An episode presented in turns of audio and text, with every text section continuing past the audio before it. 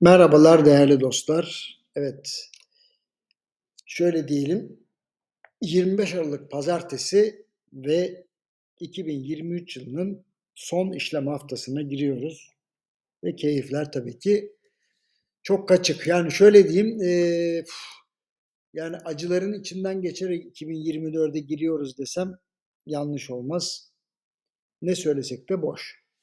Ateş zaten düştüğü yeri yakıyor. Bunu kaç defa söyledim bilmiyorum.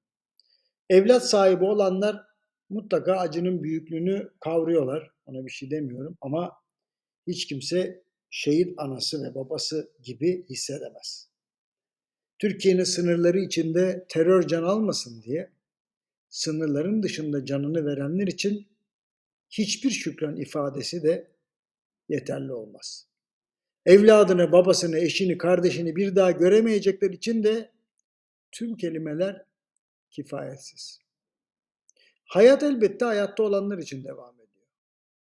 Kayıpları olan için zerre kadar önemi olmayan meselelerden bahsetmeye devam ediyoruz. Dolayısıyla pek de istekli olmamakla beraber sizleri bilgilendirmek adına haftanın ilk yorumuna başlıyoruz. Geçen ay Merkez Bankası'nın yaptığı basın açıklamasında bazı ikircikli ifadeler vardı. Hatırlarsınız ben de demiştim ki bu yıl herhalde yüzde 40 ile ondan sonra bitiriyoruz diye. Ancak bir gün sonra kulağıma enteresan bazı haberler gelince meseleyi daha detaylı incelemeye karar verdim. Ve dedim ki bazı özel bankaların yöneticileri politika faizleri yüzde 42,5 olursa asıl reel faiz bölgesine girilmiş olur şeklinde açıklamalar yapıyor ama hepimiz meselenin bu olmadığını gayet iyi biliyoruz. Şimdi Merkez Bankası faizleri arttırdıkça CDS primleri düşüyor. Ve e, CDS primleri düştükçe de hem bankalar hem de yurt dışından finansman sağlayanlar ne oluyor? Maliyetlerini düşürüyorlar. E, bu durumda Merkez Bankası yöneticilerine cesaret veriyor. Ama bu faiz oranıyla da iş yapıp para kazanmak kolay değil. Yani e, bunu da herkes biliyor zaten. O yüzden herkes bir şekilde bir tiyatro oynuyor. Nitekim gerçi geçen hafta ne oldu? Merkez Bankası bir kez daha faiz arttırdı.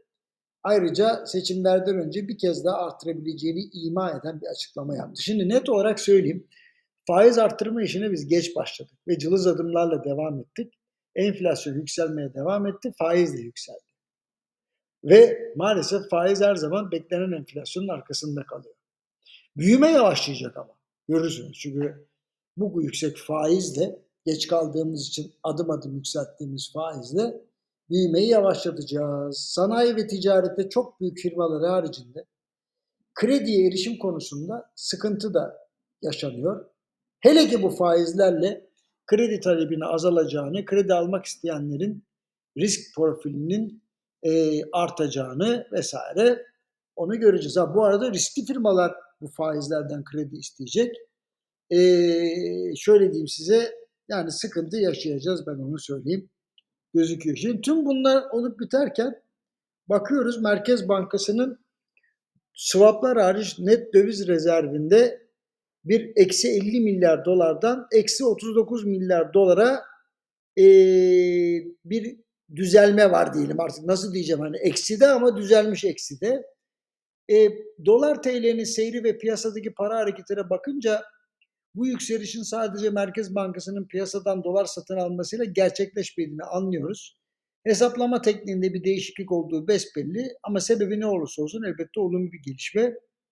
Yolumuz uzun olduğunu unutmadan e, Merkez Bankası'nın en az dış ticaret açığımız kadar dövizi kasasına koyması Türkiye'nin lehinedir diye düşünüyorum. Böylece dış kırılganlık olarak tarif edilen ama basitçe döviz kurunun yan etkileri anlamına gelen gelişmelere karşı güçlü hale geleceğiz. Merkez Bankası'nın güçlendirmeye çalıştığı rezervleri seçimler için başlayacak propaganda maratonunda döviz yükselmesin diye tekrar harcamaya başlaması elbette beklentilerin olumsuz hale gelmesine sebep olacak. İçimden bir ses nedense her gelişmeye çok fazla anlam yüklendiğini söylüyor. Beklenti çıtasını çok yüksek tutunca hayal kırıklığı her zaman fazla oluyor. Merkez Bankası'nın beklentileri doğru yönetmek adına bu gerçeğe dikkat etmesi gerekir diye düşünüyorum.